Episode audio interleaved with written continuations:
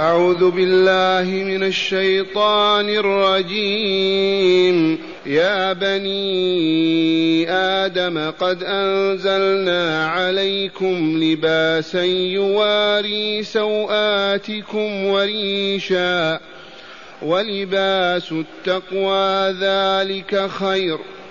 ذلك من آيات الله لعلهم يذكرون. يا بني آدم لا يفتننكم الشيطان كما أخرج أبويكم كما أخرج أبويكم من الجنة ينزع عنهما لباسهما ينزع عنهما لباسهما ليريهما سوآتهما إنه يراكم هو وقبيله من حيث لا ترونهم إنا جعلنا الشياطين أولياء للذين لا يؤمنون وإذا فعلوا فاحشة قالوا وجدنا عليها آباءنا قالوا وجدنا عليها آباءنا والله أمرنا بها. قل إن الله لا يأمر بالفحشاء. أتقولون على الله ما لا تعلمون. معاشر المستمعين والمستمعات من المؤمنين والمؤمنات. قول ربنا جل ذكره يا بني آدم الله ينادينا نحن بني آدم مؤمنين وكافرين في الأولين والآخرين إذ هذا النداء ليذكر لنا منته ونعمته علينا. من أجل أن نحمده ونشكره وذلك بتقديسه وتسبيحه وعبادته وحده.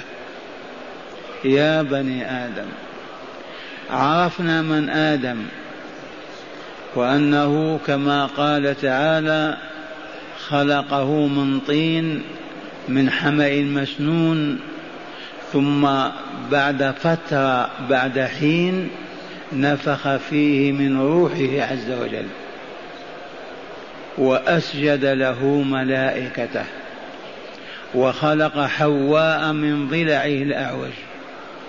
وتم هذا في الملكوت الأعلى في الجنة دار السلام فوق السماء السابعة.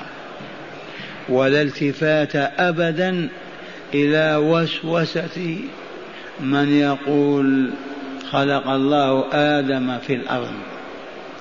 فكيف يقول اهبطوا اهبط يهبط من الأرض إلى أين؟ إلى أرض أخرى. أين هي؟ يا بني آدم خذوا زينتكم. يا بني آدم قد أنزلنا عليكم لباسا يواري سوآتكم وريشا. أنزلنا عليكم. أولا آدم وحواء كساهما الله في الجنة وأهبطهما وعليهما الثياب الساترة للجسم. ثم علم من شاء من عباده صنع اللباس من أدوات معينة وبآلات معينة. فلهذا ثق بأن الإنزال كان أولا حيث أنزل آدم وحواء وعليهما لباس من دار السلام. ثم لما تناسلا وتكاثر أولادهما علمهم الله عز وجل كيف يصنعون اللباس من الصوف والوبر والشعر من القطن مما خلق الله من مواد في هذه الأرض. فقول أنزلنا عليكم امتنان منه والإنزال يكون من عل والله فوق عرشه فوق سماواته بائن من خلقه فأمره وتقديره وهدايته لمن شاء كل ذلك من عنده. وأسهل ما تتصور أن الصوف يؤخذ من الحيوانات والحيوانات من خلقها. وحياتها متوقفة على الماء والماء من أنزله. والنباتات من القطن وغيره أليس الماء هو الذي السبب في وجودها؟ فلهذا قل آمنت بالله. وصدق ما أخبر الله تعالى به في قوله قد أنزلنا عليكم لباسا واللباس ما يلبس ما يستر الجسم. ويقيه الحر والبرد ويستر اولا سوءته وعورته. فكل لباس بين الناس والله هو الذي أنزله. وأما الريش وأنتم تعرفون ريش الطيور وأنه جميل وحسن اللون فاللباس إذا كان زائد على ستر العورة يقال فيه ريش لجماله وحسنه مشبه بريش الطيور الجميلة المختلفة. فما كان لستر العورة ولدفع البرد والحر لباس وما كان للتجميل والتحزين ولباس الأعياد والمناسبات يقال فيه ريش. وريشا ولباس التقوى ذلك خير جملة مستأنفة. ولباس التقوى ذلك خير. هل المراد من لباس التقوى الدروع وأدوات الحرب؟ لأنه يتقى بها العدو يدخل في هذا. ولكن المراد أن من أطاع الله ورسوله حفظه الله وجمله وحسنه ورفع قدره وأعلى منزلته فلهذا لباس التقوى أجمل وأكثر حسنا وبهاء من لباس على جسم صاحبه فاسق أو فاجر أو فاحش أو ضال أو كافر. الترغيب في التقوى في تقوى الله عز وجل. لباس التقوى خير من لباس القطن والحرير نعم أكرمنا الله فستر أجسامنا ولو شاء لتركنا عراه كالبهائم. امتن علينا بهذه النعمة لنحمده ونشكره. فنقول الحمد لله. وبالإجماع وفي كل الملل والنحل أن كشف العورة محرم ولا يصح أبدا إلا من فسد عقله وفسدت فطرته وانما حسمه من ديوان الناس وأصبح كالبهيمة يمشي عاريا. وقد هبطت البشرية حتى أصبح هناك نادي يقال له نادي العراة. يوجد في أوروبا. ولا التفات إلى هذا ولكن الوضع العام حتى الذين في الجبال يتيهون يسترون عوراتهم بما شاء الله أن يسترها. بالفطرة. لأن الله أنزل لنا هذا اللباس. وأما الرياش والريش فهو بحسب قدرة الإنسان وحاجته. ومع هذا لباس التقوى خير. في هذا يقول الشاعر يقول إذا المرء لم يلبس ثيابا من التقى إذا المرء لم يلبس ثيابا من التقى تقلب عريانا وإن كان كاسيا. إذا المرء لم يلبس ثيابا من التقى تقلب عريانا وإن كان كاسيا. وخير لباس المرء طاعة ربه وخير لباس المرء طاعة ربه. ولا خير في من كان لله عاصيا. ولا خير في من كان لله عاصيا. إذا عرف المستمعون والمستمعات أن اللباس امتن الله به علينا فلنحمده ونشكره. أليس كذلك؟ مع العلم بأن الله حرم على ذكورنا على فحولنا لباس الحرير والذهب وخص هذا بالمؤمنات.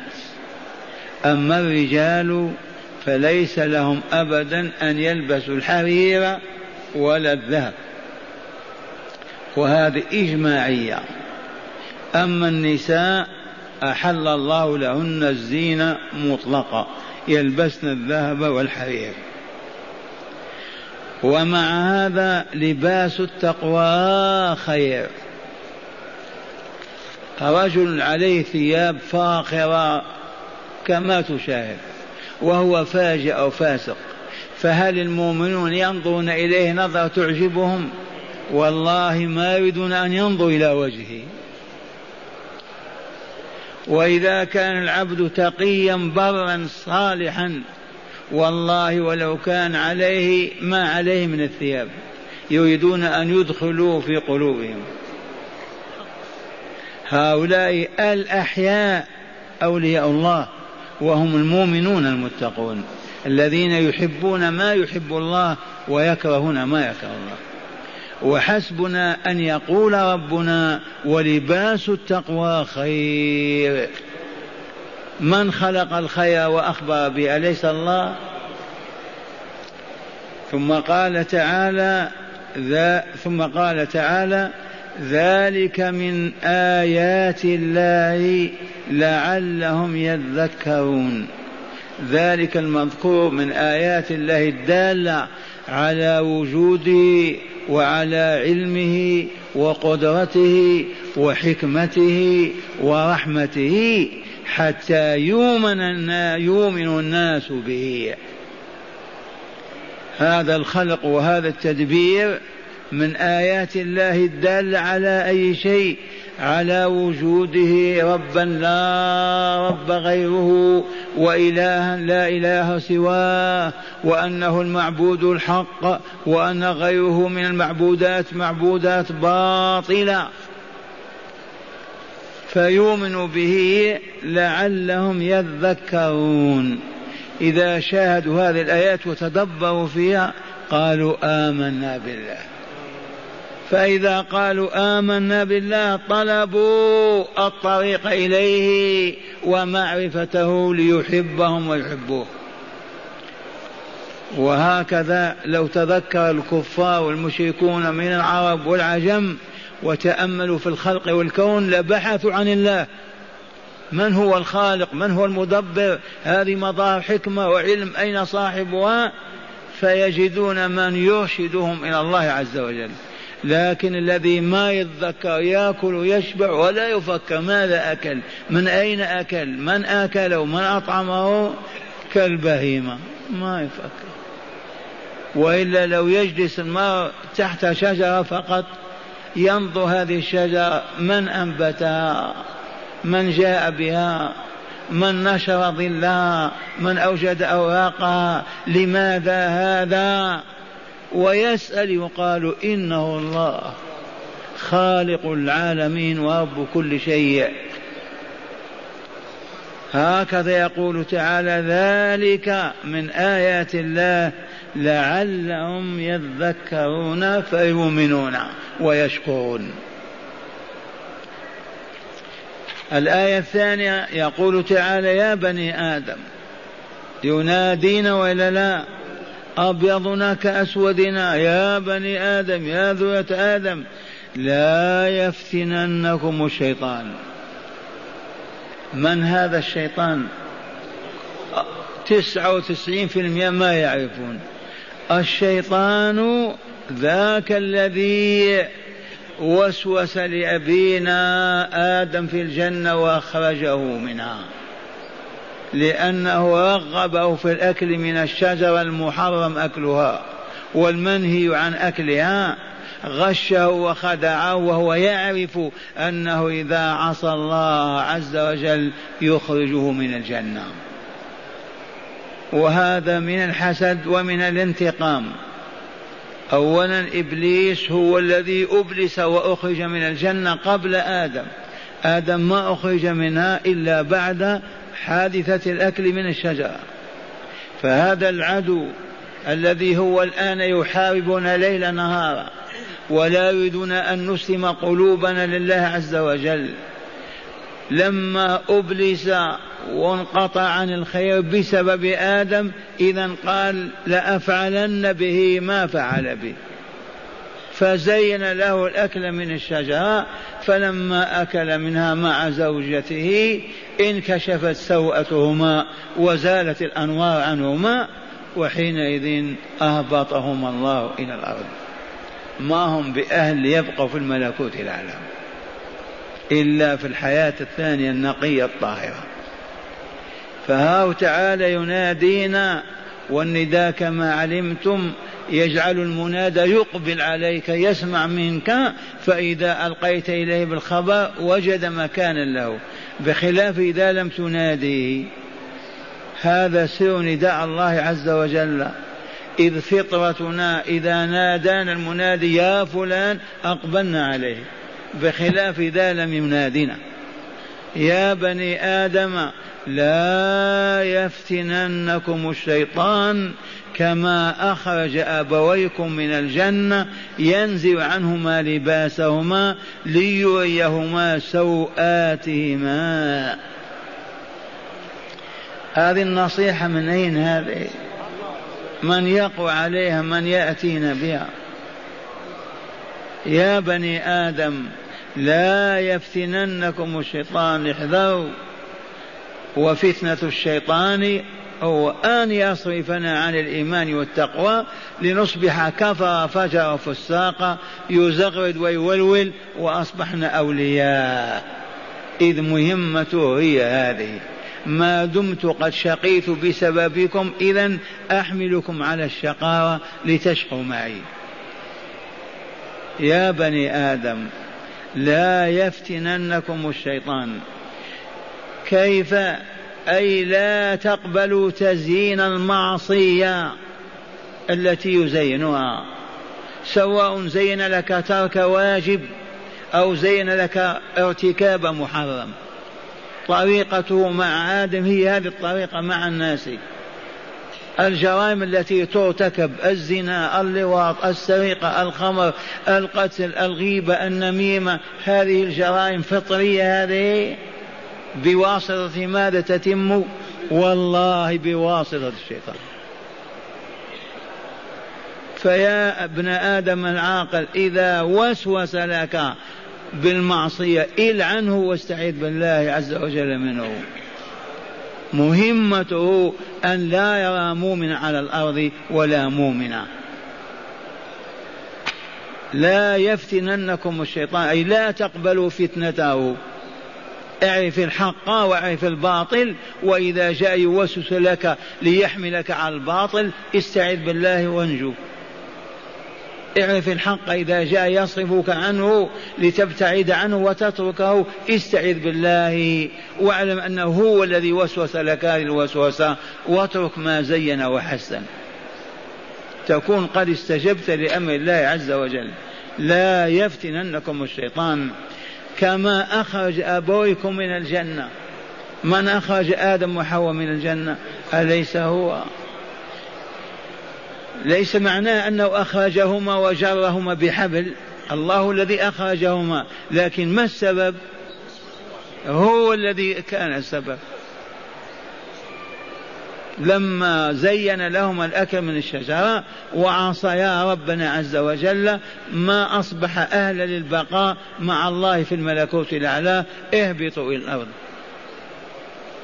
كما أخرج أبويكم والأم والأب إذا غلبت تقول أبوين ولكن لا تقول أمين. لكن التغليب دائما الذكور أولى. الأبوان الأم والأب. إذا كما أخرج أبويكم من الجنة. أية جنة هذه؟ الذين ينقلون عن اليهود بني إسرائيل. يقول الجنة في جبل من جبال صنعاء وإلا جبال التبت وكلام باطل وهو الجنة المعهودة في الذهن في القلب التي أخبر عنها الله أنبياءه ورسله مئات الآلاف وأن وبعد ذلك كله. ألم يرتدها رسول الله صلى الله عليه وسلم؟ أسألكم بالله. ما عرج برسول السماء الذي يقول لا كفر. أعمى وأحمق ولا وجود لإيمانه أبدا.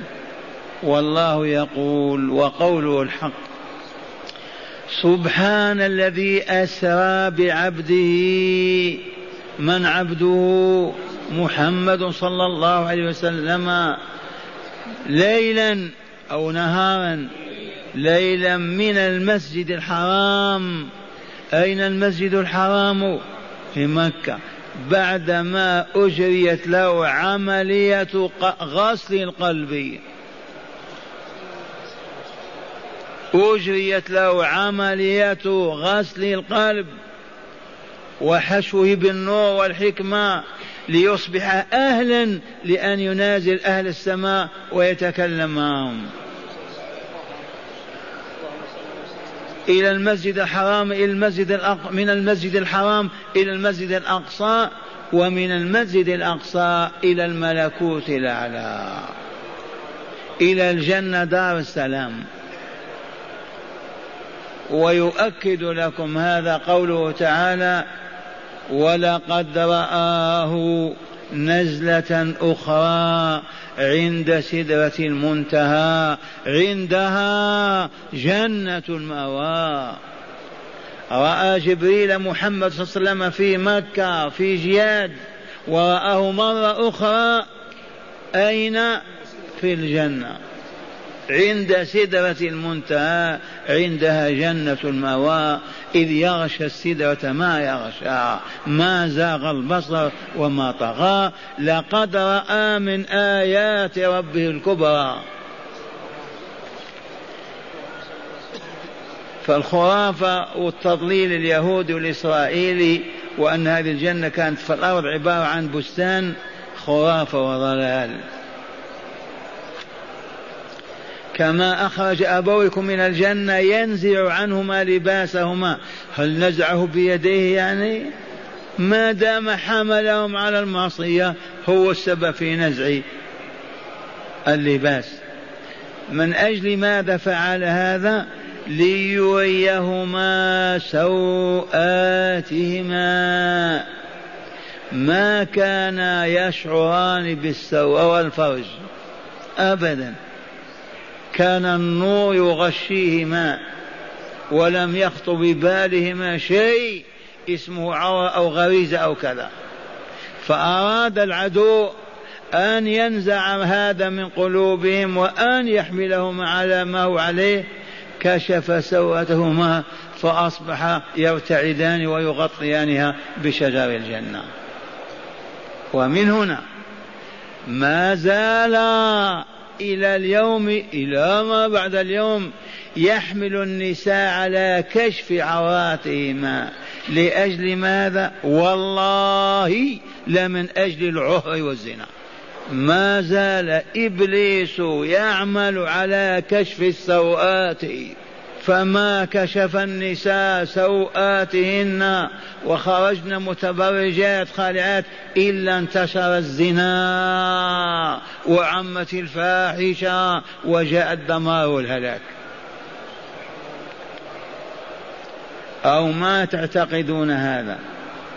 لماذا زين لآدم الأكل من ماذا أما قال ليريهما سوءاتهما لماذا يريهما سوءاتهما ليرغب في الجنسية وحينئذ تقع الفتنة. أما قال تعالى لا يفتننكم الشيطان فلهذا لا يحل أبدا لمؤمن ولا لمؤمن أن يرضى بذلك أن تخرج المؤمنة كاشفة عن سوءتها وعورتها وجمالها. أبدا. ومن فعل ذلك مدفوعا بدفع إبليس عليه لعين الله. ومن ساعد على ذلك ورغبها وكتب لها ذلك والله لمدفوع بدفع إبليس عليه لعين الله.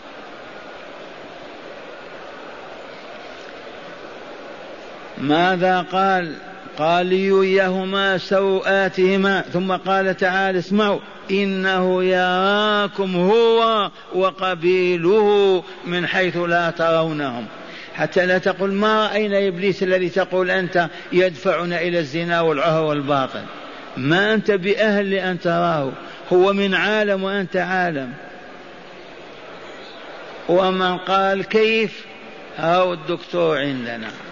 الجراثيم الميكروبات التي لا ترى إلا بالمجار ومكبرات النظر. هل ترونها أنتم؟ إذا قولوا ما في. لكن آثارها موجودة ولا لا؟ المرض. إذا الشيطان وأولياؤه من الكفار موجودون. الدليل على وجودهم العهر والكفر والباطل والشر والضرر والخبث. ذي مظاهر أكثر من مرض الأجسام.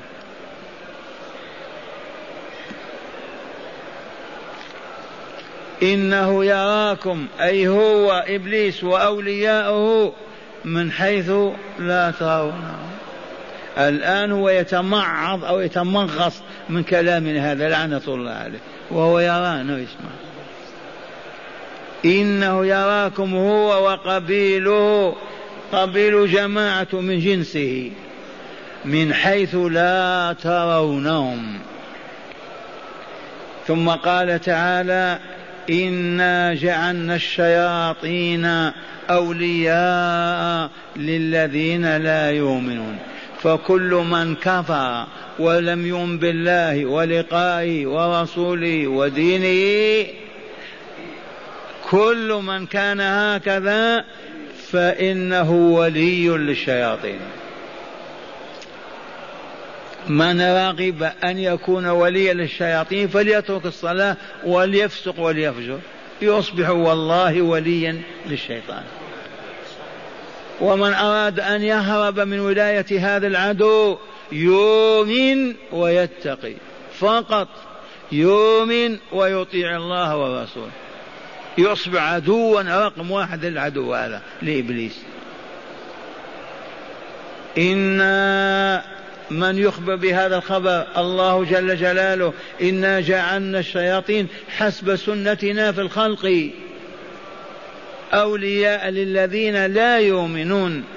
أولا وإذا فعلوا فاحشة قالوا وجدنا عليها آباءنا والله أمرنا بها. هذه تتناول ما كان عليه العرب في الجاهلية. إذ كانوا لا يطوفون بالبيت إلا عراه. من وجد ثوبا من ثياب الحمص استأجره اكتراه حصل عليه طاف به. من لم يجد ثوبا من ثياب الأشراف طاف عريانا. يطوف بالبيت عريانا تعبدا وتقربا إلى الله. من زين له ماذا؟ الشيطان. حتى قالت طائفه اليوم يبدو بعضه أو كله وما بدا منه فلا أحله وهي ترتعد المسكينة. ما وجدت بما تستر فرجها. ومع هذا يقولون الله أمرنا بهذا. هذه دين إسماعيل ممكن أو يقولون. وإذا فعلوا فاحشة قبيحة من قول أو عمل قالوا وجدنا عليها آباءنا والله أمرنا بها. قال تعالى قل لهم إن الله لا يأمر بالفحشاء أبدا. فكل قبيح من قول أو عمل أو سلوك والله ما يأمر الله به. اجزم واحلف بالله أن الله ما أذن في هذا. كل قبيح شديد القبح من الفواحش القولية والعملية حاشا لله أن يأمر بها. وقد حرمها ومنعها وتوعد عليها بمر العذاب وأشده. والصورة مكية ولا لا؟ أهل مكة الآن ترتعد فرائصهم في كرب من هذا الكلام. ما هو كوضعنا نحن الآن؟ وإذا فعلوا فاحشة ما الفاحشة يرحمكم الله؟ كل قول أو عمل قبيح هو فاحشة. وخاصة إذا اشتد قبحه كلمة قبيحة هي فاحشة. وبعد ذلك كل فاحشة الزنا واللواط. والبخل أيضا. قارنوا البخل مع الزنا والعياذ بالله. وإذا فعلوا فاحشة قالوا وجدنا عليها آباءنا والله أمرنا بها. قل لهم يا رسولنا إن الله لا يأمر بالفحشاء. أتقولون على الله ما لا تعلمون؟ هذا التوبيخ وإلا لا والتهديد والوعيد. أتقولون على الله ما لا تعلمون؟ فلهذا لا يحل لإنسان كافرا أو مؤمنا أن يحرم أو يحلل أبدا. إذ الذي يحلل ويحرم من؟ الله. لأنه أعلم بحاجة خلقه وما يدبر لهم وما يعد لهم. وهو أعلم بالمضار والمنافع من غيره. فلهذا لا يحل لأحد أن يحرم ما حرم الله أو يحل ما حرم الله عز وجل. ليس من حق أي أحد. بدليل هذه الآية أتقولون على الله ما لا تعلمون؟ هذا توبيخ وتقريع تقريع ولا لا؟ كيف تقولون على الله ما لا تعلمون؟ جماعة عقبة بن معيط وأبي جهل والوليد وكذا في كرب من هذه الآيات في مكة. معاشر المستمعين نتلو عليكم شرحها في الكتاب. معنى الآيات قوله تعالى يا بني آدم قد أنزلنا عليكم لباسا يواري سوآتكم وريشا. ما معنى يواري؟ فقط أنتم تعرفون والآخرون ما معنى يواري؟ يواري بمعنى يغطي ويستر. يوارى الميت بالتراب وإلا لا؟ حتى ما يعرف وتكشف عورته. يواري سوآتكم ما السوء ما يقبح النظر إليه. يجب أن يتعلم الناس. وريشا ريش الحمام وإلى العصافير. ما المراد بالريش هنا؟ لباس الأعهاد والأعراس وأيام التجميل. هذا الرياش. هذا النداء الكريم المقصود منه تذكير المشركين من قريش بنعم الله وقدرته عليهم لعلهم يذكرون فيؤمنون ويسلمون بترك الشرك والمعاصي. من نعمه عليهم أن أنزل عليهم لباسا يوارون به سوآتهم وريشا لباسا يتجملون به في أعيادهم ومناسباتهم. ثم أخبر تعالى أن لباس التقوى خير لصاحبه من لباس الثياب. لأن المتقي عبد ملتزم بطاعة الله ورسوله صلى الله عليه وسلم والله ورسوله يأمران بستر العورات ودفع والمحافظة على الكرامات ويأمران بالحياء والعفة وحسن السمت ونظافة الجسم والثياب. فأين لباس الثياب مجرد عن التقوى من هذا اللباس؟ وقوله تعالى ذلك من آيات الله أي من دلائل وعلامات قدرته الموجبة للإيمان به وطاعته. وقوله تعالى لعلهم يذكرون أي رجاء أن يذكروا هذه النعم فيشكروا بالإيمان بالله وطاعته.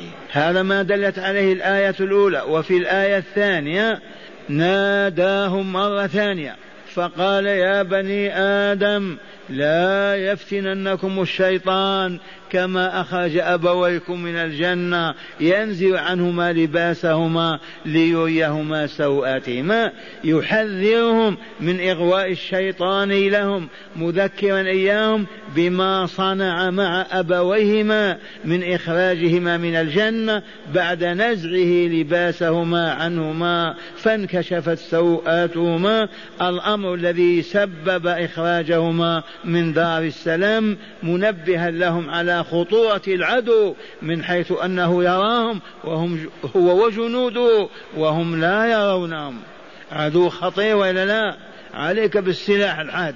ذكر الله دائما. ثم أخبر تعالى أنه جعل الشياطين أولياء الذين لا يؤمنون وذلك حسب سنته في خلقه. فالشياطين يمثلون قمة الشر والخبث فالذين لا يؤمنون قلوبهم مظلمة لا لانعدام نور الإيمان فيها فهي متهيئة لقول الشيطان لقبول الشيطان وقبول ما يوسوسون به ويوحونه من أنواع المفاسد والشرور كالشرك والمعاصي على اختلافها. وبذلك تتم الولاية بين الشياطين والكافرين.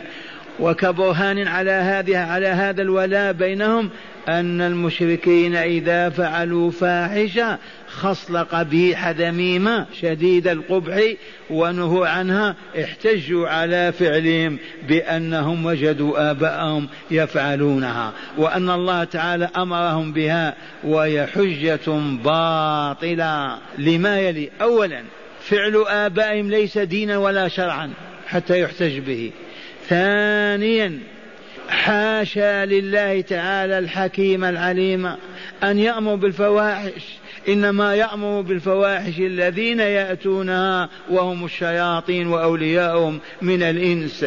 ولهذا رد الله تعالى عليهم بقوله إن الله لا يأمر بالفحشاء. ووبخهم معنفا إياهم بقوله أتقولون على الله ما لا تعلمون؟ إن شاء الله فهمتم الآيات.